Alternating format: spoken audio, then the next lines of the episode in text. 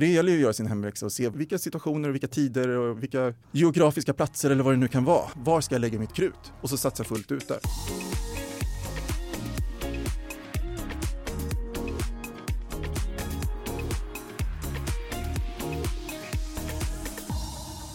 Kommer ihåg när mitt i pandemin så pratade man om att när vi kommer ur det här, då kommer det vara roaring twenties och sprudlande hedonism och folkfest på gatorna. Ja, men alltså jag måste ha missat den festen. Ja, eh, saker och ting svänger rätt snabbt, inte minst de senaste åren.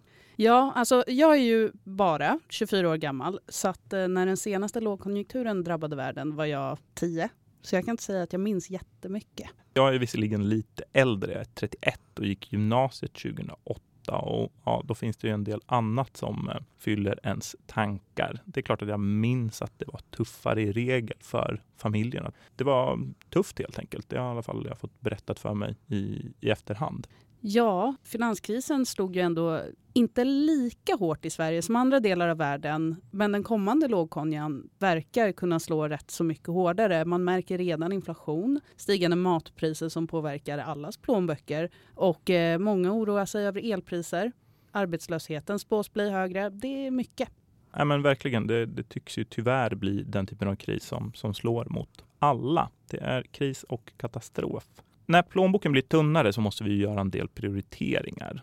Och även om läget är tufft rent vardagligt så blir diskussionen om marknadsföring, positionering och varumärke lite intressantare i den här tiden. Vilka varumärken är vi redo att ersätta med billigare alternativ och vilka fortsätter vi att lägga i kundkorgen. Det kommande året blir lite av ett lackmustest på hur bra svenska företag har lyckats med sitt varumärkesarbete de senaste åren. Ja, och eh, idag ska vi prata lite mer om hur lågkonjunkturen förändrar konsumentbeteenden. Vi som leder dagens podd är jag, Alicia Price. Och jag, Thomas Nilsson. Men vi kommer inte göra det ensamma utan vi har även med oss en expert som har lite längre erfarenhet och mer kunskap på området än vad vi har. Välkommen till Resumés podcast, Patrik Lundberg. Tack så mycket. Trevligt att vara här. Trevligt att ha dig här. Kan inte du ge oss på 30 sekunder berätta lite grann vem, vem du är? Jobbar på Åkestam Holst som strateg. Jobbat som planner och på olika typer av byråer ungefär 15 år. Bland annat eh, det som nu heter New Normal och eh, Garbergs. Mm. Men har varit på Åkestam i ungefär fyra år. Jobbar med kunder som Arla, Postnord, If Försäkringar, Swedbank, Pressbyrån. Ja, kul. Ungefär så. Ja, men och du har senior i titeln så du har varit med, eh, jag har varit med ett en gång eh, en lågkonjunktur tidigare. Det stämmer. Ja. Du, jag tänkte börja där. Du jobbade ju redan 2008 när Sverige rörde sig in i en lågkonjunktur. Det slog ju inte jättehårt här. Men vad minns du rent liksom jobbmässigt från, från den tiden? Alltså det slog rätt hårt. Jag skulle säga att jag var mer nervös under den konjunkturen, även om jag är väldigt nervös nu, för den var systemkritisk för hela banksystemet. Så det var, det var ju otroligt, liksom. även om det var mest i USA så såg man ju konsekvenserna av det över hela världen i princip. Det var ju mörkt. Alltså det är jättejobbigt att vara inne i en lågkonjunktur. Det är urkämpigt på många sätt. Det är tveksamheter kring vad som går att göra, vilka resurser som finns, vilka kollegor man har, vilka kunder man har. Mm. Så det är väldigt kämpigt på många olika sätt. Minns du vad ni tampades med på jobbet på den tiden och vad, liksom, vad, vad var svårast att, och liksom, att veta? Det var en enorm osäkerhet mm. generellt. Man visste inte från dag till dag eller vecka till vecka i alla fall hur det skulle liksom gå. Om eh, kunderna skulle vara kvar, vilka som eventuellt skulle gå i konkurs, vilka som skulle dra ner sina mediebudgetar totalt, vilka som inte påverkade alls. Och sådär. Så det var, det var otrolig osäkerhet. Mm. Och det pågick i flera år mm. på olika sätt. För ofta släpar konsekvenserna av en konjunktur utöver just liksom den ekonomiska dippen så ligger osäkerheten kvar mm. som en våt filt. Så jag skulle säga att det var först liksom 2012 som man kände att ah, nu börjar det liksom bli vanligt igen. Och idag kan man ju ha jobbat i branschen i tio år utan att ha, ha upplevt en, en lågkonjunktur. Hur tror du att det påverkar branschens inställning när vi nu rör oss mot en lågkonjunktur? Man har inte ens inte upplevt en lågkonjunktur utan de som har börjat de senaste tio åren har kanske varit liksom den bästa ekonomiska perioden någonsin. Så det gör också att även om vi får en så kallad normal lågkonjunktur den här gången så är våra jämförelsetal mot hur vi har haft det, de är liksom skeva åt andra hållet. Det har varit en extrem högkonjunktur som har varit alldeles för länge rent ekonomiskt. Mm. Och det gör ju att våra jämförelsesiffror liksom, är ju felkalibrerade internt i hjärnorna. Som gör att den här lågkonjunkturen, även om den blir historiskt sett liksom en kanske mellanstor lågkonjunktur, så kommer fallet uppfattas mycket tuffare. Folk är vana vid att vara en stor högkonjunktur. Du tror att det där är, alltså att många kommer lite falla i den fällan, att man vill ha tillbaka på hur det har varit? Ja, men man vill ju ändå lära sig av sin, sin egen, egen erfarenhet. Då Ja. har man inte den erfarenheten från, eh, ja, från, från just lågkonjunktur och tuffare tider, att man kanske då inte riktigt står rustad på jobbet. Nej, äh, alltså så här, vi är många och inklusive, inklusive jag själv säkert är liksom up for en, un, liksom, en, otrevlig surprise helt Mm. enkelt. Det kommer vara helt andra spelregler som gäller under lågkonjunktur. Vi fick ju ett litet liksom, förspel med coronan. Mm. Men där kom de ekonomiska stimulanserna så otroligt snabbt. Så att det, liksom, det var några månader då det kändes väldigt mörkt och sen blev det mörkt av massa andra anledningar i samhället med att vi inte kunde träffas och människor får illa på massa olika sätt. Så det var liksom en annan, men ekonomiskt så gick det ändå ganska okej. Nu kommer ju de ekonomiska stimulanserna vara mycket svårare att få till och det gör att jag tror att konjunkturen, ekonomin kommer ta mycket större smäll den här gången. Pandemin och restriktionerna påverkade ju också. I Ja. vissa sektioner så var det ju högkonjunktur, Ja, alltså ja. titta bara på e-handeln som boomade fullständigt medan det för ja, men, turism och besöksindustrin var, var fullkomlig Ja, lågkonjunktur. jag jobbar ju med Pressbyrån och de ligger ju i tunnelbanor och kollektivtrafiklägen. Det var ju ingen som åkte kollektivtrafik. Så Nej, det var ju nej, nej, superknepigt Ja. för dem. Men det kom ju ganska mycket stöd. Så Ja. men det stödet får vi se vad det blir den här gången. För att politikerna sitter i en jäkla rävsax med att de knappt kan pumpa ut så mycket mer stöd för då driver de på inflationen. Mm. Och det är inflationen som måste ner. Så det är klurigt som tusan. Mm. Ja, Får jag en reflektion tillbaks till 2008? Absolut. Det som också jag tror att många inte tänkte på, det var att mellan ungefär 2004 och 2008 så dök de stora internetmedierna upp. Youtube, Facebook, Twitter framförallt. Mm. Innan dess så var väldigt många varumärken överkapitaliserade på varumärkeslagret. Det var väldigt lätt att göra bred fin varumärkeskommunikation. Det var inte lika lätt att nå ut till alla med taktisk kommunikation. När de digitala medierna sen kom och man behövde få in intäkter snabbt så blev det en naturlig push till att åh, nu kan vi använda Facebook eller Youtube för att nå ut och komma med erbjudanden. Löftet om personalisering. Ja, men precis. Mm. I och med att många varumärken hade överinvesterat under lång tid i varumärkeslagret så gav det en otrolig effekt. Där man såg att de här medierna är nya svarta, det är fantastiskt vad bra det är. Men det var en dopad effekt. Och den där dopingseffekten var inte så många som fattade, så det låg kvar ganska länge med att det fanns en övertro på kraften hos de digitala medierna.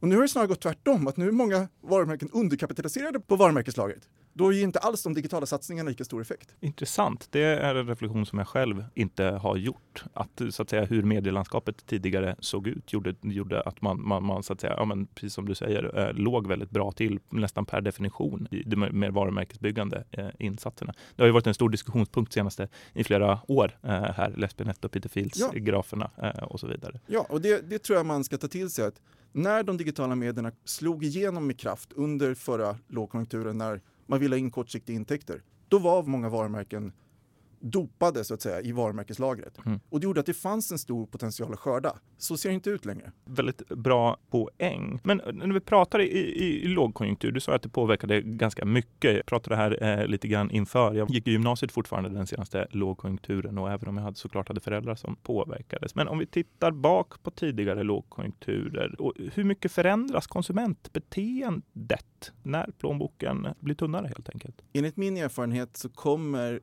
det skiften. Först så väntar de flesta för länge och ligger kvar i illusionen att det kommer lösa sig. Man vill inte se det, kämpa liksom som människor är. Och fortsätter konsumera ungefär som man har gjort. Sen slår det tvärtom nästan.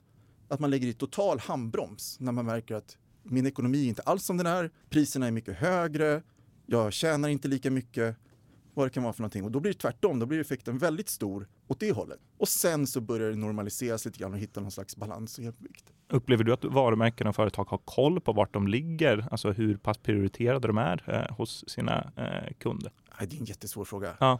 Alltså man är ju ofta prioriterad i vissa situationer.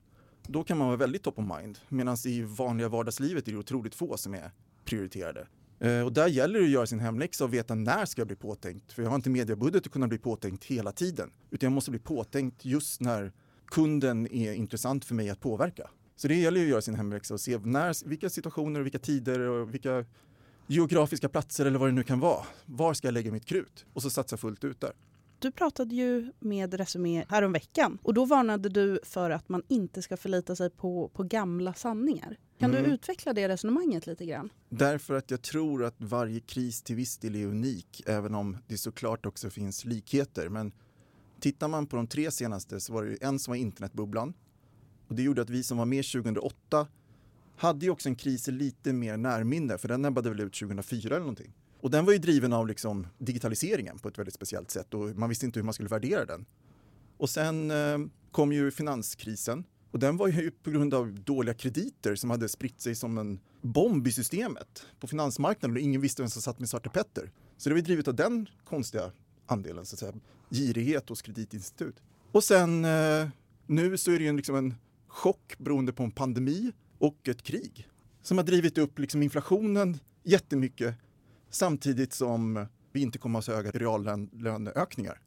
Det gör att det är ganska svårt att dra tydliga paralleller bakåt. Mm. Tror du ändå att det är det man kommer göra så att säga, för, för att försöka rusta sig, eller har gjort de senaste månaderna kan man väl kanske eh, Jo, och det ska man göra och det gör ju vi också. Och liksom vad man ska tänka på och framförallt så finns det olika faser. Alltså man kan ju dra allmänna lärdomar som att det är bra att scenarioplanera. Osäkerheten ökar, du vet inte vad som händer. Du måste vara beredd på många saker samtidigt. Du måste kunna vara beredd att ställa om på kort varsel, både positiv och negativ riktning så att säga. Du ska vara trygg i, vilket man ska nog påminna sig själv om när det är som kämpigast, vilket det snart kommer vara tror jag, så eh, kommer, ska man liksom, det vänder.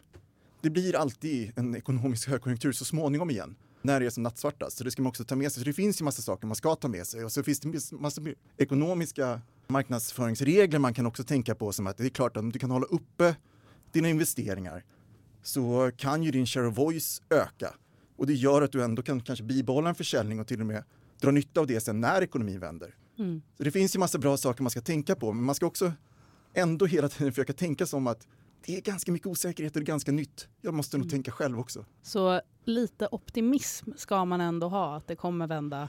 Alltså, det blir ju lätt väldigt mörkt. Mm. Och det kommer vara mörkt och det kommer vara massa människor som drabbas av det här på olika sätt. Men det blir ju, det är konjunkturcykler. Det går ner och det går upp. Och det har gått orimligt mycket upp de senaste 12 åren. Och det drabbas vi av nu. Om du, så att säga, när du samlar in, om du försöker titta på ja, men, eh, den, den fakta, den kunskap som finns där ute och lite grann, så här, åt vilka håll tittar, vilka källor vänder du dig, Finns det några så här, tips? Har du också valt att bli egen? Då är det viktigt att skaffa en bra företagsförsäkring. Hos oss är alla småföretag stora och inga frågor för små. Swedeas företagsförsäkring är anpassad för mindre företag och täcker även sånt som din hemförsäkring inte täcker. Gå in på swedea.se företag och jämför själv.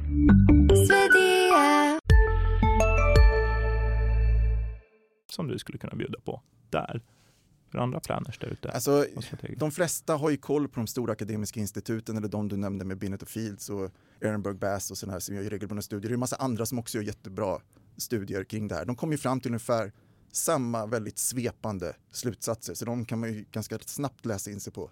Sen är det ju om det är olika specifika kategorier, olika fall. Där är jag lyxen med att jag liksom har en massa duktiga kollegor runt omkring mig som med olika senioritet. Vi har stora resurser i huset som gör att man kan ringa och fråga någon när det behövs. Och sen det gamla klassiska att man följer en massa folk på sociala medier. Så sociala medier är ändå ett eh, tips? Eh, ja, absolut. Där. Finns det några där som du tycker att man borde följa som liksom är bjussiga på att dela med sig? Det finns dels massa planners på olika byråer runt om i världen som visar sig smarta. Och sen så finns det ju de som är mer kopplade till forskningsvärlden som också är villiga och liksom vill profilera sig och dela med sig av sin kunskap. Men alltså det är de gamla vanliga namnen i mm. princip. Mm. Och sen så får man jag menar, jag har jobbat med det här så pass länge så jag har ju också sorterat och sållat min lista ganska länge. Så det är väl hundra namn som man ser och sen så när man märker att fler börjar prata om samma sak, då förstår man att nu är det här ganska intressant för mig också att titta in i. Och om man vill ha lite ja, men kreativ inspiration och, och, kolla bak, finns det några exempel på företag, varumärken som, eh, som har gjort det väldigt bra under kris? Tråkigt svar. Ja. Nej men, jag kollade faktiskt på det där om veckan att om man går igenom guldäggsarkivet och så ser du, vilket jag kan rekommendera alla att göra ofta och jämt. Så om man tittar liksom från 2000 och vi har den krisen och hur det utvecklar sig under 2000-talet och så kommer krisen 2008 och så hur det utvecklas det under 2010-talet och så kommer nu då krisen 2020 ungefär. Jag tror inte att om du skulle försöka plocka ut vilka är krisår så är det omöjligt. Det som belönas eller det som är bra, det som är gillat, det är ganska generellt. Det är jättesvårt att se skillnad på att ah, i den här lågkonjunkturen, det var den här typen av budskap eller grepp. Utan det är bra reklam. Mm generellt som berör. Så det är inte det, det brukar pratas om att ja, när man går in i kristider att det kanske blir lite grann mer humor, att varumärken försöker stå för någon lite eh, lättsammare i, i vardagen. Det, inte, det går inte att se eh, några riktigt Alltså det sådana. går ju att se att stora massan gör det. För det är ett bra grepp, men eh, då sticker du inte riktigt ut heller. Så att det Mm. handlar ju balansen där, att både beröra och vara relevant och göra någonting som ingen annan gör.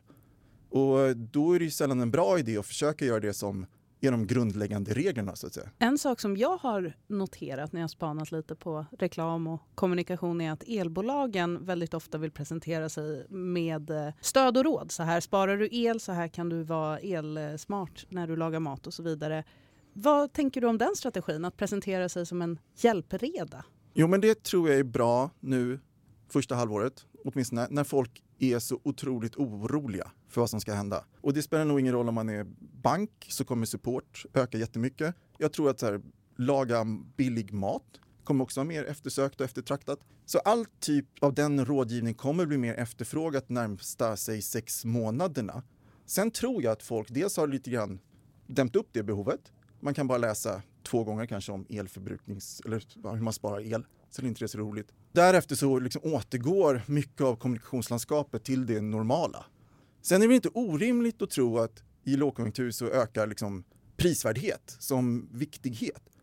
Men samtidigt om alla pratar prisvärdhet också så blir det ännu viktigare. Då måste man göra det på ett unikt sätt. Så att den kreativa aspekten, hur man gör det, den är liksom fortfarande lika viktig skulle jag säga. Hur hittar man balansen eh, där då? Mellan att, eh, så att säga, ja, men, göra någonting som folk är kanske benägna att lyssna på och att sticka ut gentemot konkurrenterna som har dragit lite liknande slutsatser. Är, är det just att titta runt omkring sig inom sin kategori väldigt mycket hur de olika aktörerna rör på sig? Som varumärke eller som reklamskapare? Som varumärke? Alltså, man ska ha koll på sin kategori och sin omvärld, men man kan också liksom, man ska inte styras av den, för då blir man ju bara en efterföljare. Utan du måste ju på något sätt våga tänka själv och göra det du själv tror på. Eh, Och det tror jag gäller inom reklam också. Man ska absolut titta på massa bra reklam. Det är jätteinspirerande framförallt, men jag vet inte hur mycket man lär sig. För risken är snarare att du tänker att "Åh, jag gör en variant på den där. Och det, det blir aldrig, aldrig bra. Mm. Utan det är först när man liksom kommer på någonting och sen kan man ju se att jaha, finns det någonting jag skulle kunna förädla den här? Då kan man nog hämta väldigt mycket inspiration i Mm. omvärlden. Så sätta någon form av grundidé och sen så och, och jobba med den ganska fokuserat och sen kanske blicka utåt eh, lite grann efter att eh, det är satt och, och titta på hur man kan tweaka eh, då om det finns någonting, eh, någon anledning att, att tweaka på det. Ja, men lite så. Och jag tror också att eh, man pratar om att innovation är en, kan vara liksom en bidragande faktor till att man lyfter sig ur en lågkonjunktur och att det stimuleras ofta under lågkonjunktur. Och det tror jag är ett, inte för att folk satsar på innovation, utan det är för att vi måste göra någonting för annars måste folk se, sluta. Eller vi kan gå i konkurs.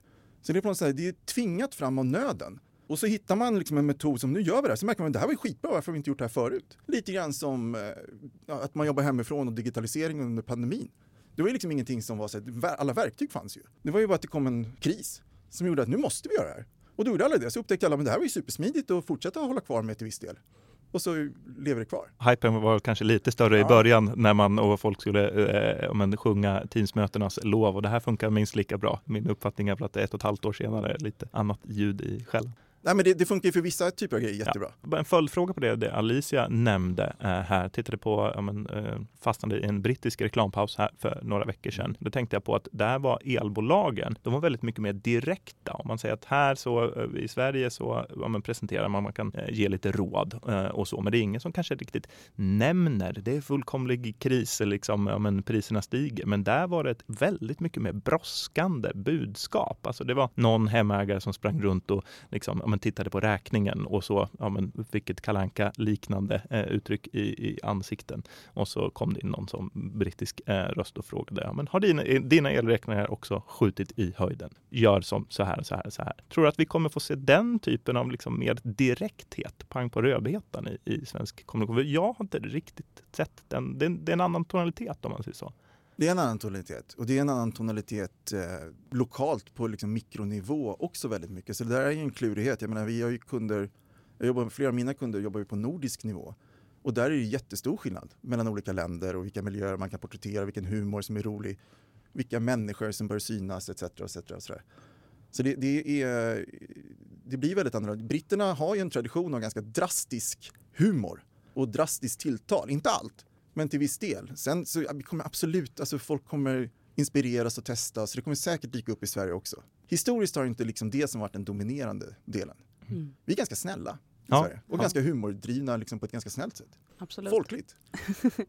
Folk Ja. blir då ganska bra också. Ja, Alltså, ja. herregud. Men jag tänker liksom brittiska tabloidtidningar har ju ett helt annat morbid direkt till liksom, tal där man kan vara ganska sträng och uppfordrande. Svenska dagstidningar har ju liksom mycket mer låg, eller jämförelse då, mer lågmält tilltal. Ja. Inte lika drastiska. Så det sitter lite grann i folksjälen. eh, Ja, men jag tror det. där. Och i kommunikationstraditionen Ja. generellt. Ja. Det är ju eh, trots alla råd mycket som tyder på att man kommer behöva minska medieinvesteringar eh, Mm. framöver. Hur ska man tackla den situationen? Det är jättesvårt. Det är några saker man ska ha i huvudet tror jag. Det ena är att jag förstår att man måste minska sina medieinvesteringar för att om man sitter som ansvarig på olika företag och så säger man så här, men valet är att vi fortsätter med den här storleken på medieinvesteringar eller jag säger upp fem av mina kollegor. Då kommer väldigt många vara så här, ah, det är lättare att bara hafs, liksom hugga medieinvesteringarna. Även om det kanske liksom finns pros and cons med båda. Och det måste man ju ta med sig. Det är ingen som hugger medieinvesteringar för att liksom, av pinkiv. Utan det är ju ett, liksom, man väljer väljer bort. Sen eh, kan det ju vara så att om alla drar ner, så även om du inte drar ner lika mycket, så ökar ju din share of voice. Mm. Och det är ju fortfarande mest det som räknas faktiskt inom kategorin. All right. Så man kan dra ner och ändå inte förlora jättemycket? Nej, nej. Alltså, du, relativt sett så bör du ju enligt teorin kunna vinna marknadsandelar. Ja. Sen om hela kategorin krymper, då är det ju så här, du vinner marknadsandelar på en krympande marknad. Försäljningen ser ju inte toppen ut. Men eh, när sen kategorin växer igen, vilket jag tror att den kommer göra i de allra flesta fall eftersom vi går in i en högkonjunktur så, så småningom, då eh, kommer man ligga bättre positionerad. Och allt handlar ju om kategoriutvecklingen. Det tycker jag att man ibland glömmer att prata. Så liksom, det går bra. Ja, försäljningen inom den här kategorin stiger med 10% årligen. Men ett varumärke som tycker att vår försäljning ökar, men den ökar bara med 5 Ja. och så konkurrenterna ökar med 15 eh, Så att säga det är ett perspektiv som glöms bort eh, ibland. Absolut. Kan man kommunicera sig ur en kris? Alltså hur funkar marknadskommunikationen som verktyg för, för att liksom ta sig ur? Det beror på vilken kris. Alltså en ekonomisk kris är nog väldigt svårt. Alltså man måste vara ödmjuk och se vad kan reklam påverka och vad kan kommunikation påverka? Och liksom samhällsekonomiska makrotrender, det kan inte reklam påverka. Det är liksom mycket starkare krafter i rörelse. Däremot om du drabbas av tillfälliga skandaler eller att du ja, men gör någonting som uppmärksammas negativt och du hamnar i en kris på det sättet. Det går ju såklart att krishantera och, och kommunicera sig ur på olika sätt. Ibland. Men Ibland. ganska ofta. Mm, mm, mm. Men den här typen av stora ekonomiska kriser överallt, där är det... Att, att ett enskilt varumärke ska tänka eller att en kategori eller en bransch ska tänka att gör vi bättre kommunikation eller mer kommunikation så kommer det lösa sig. Det, nej, det kommer inte gå.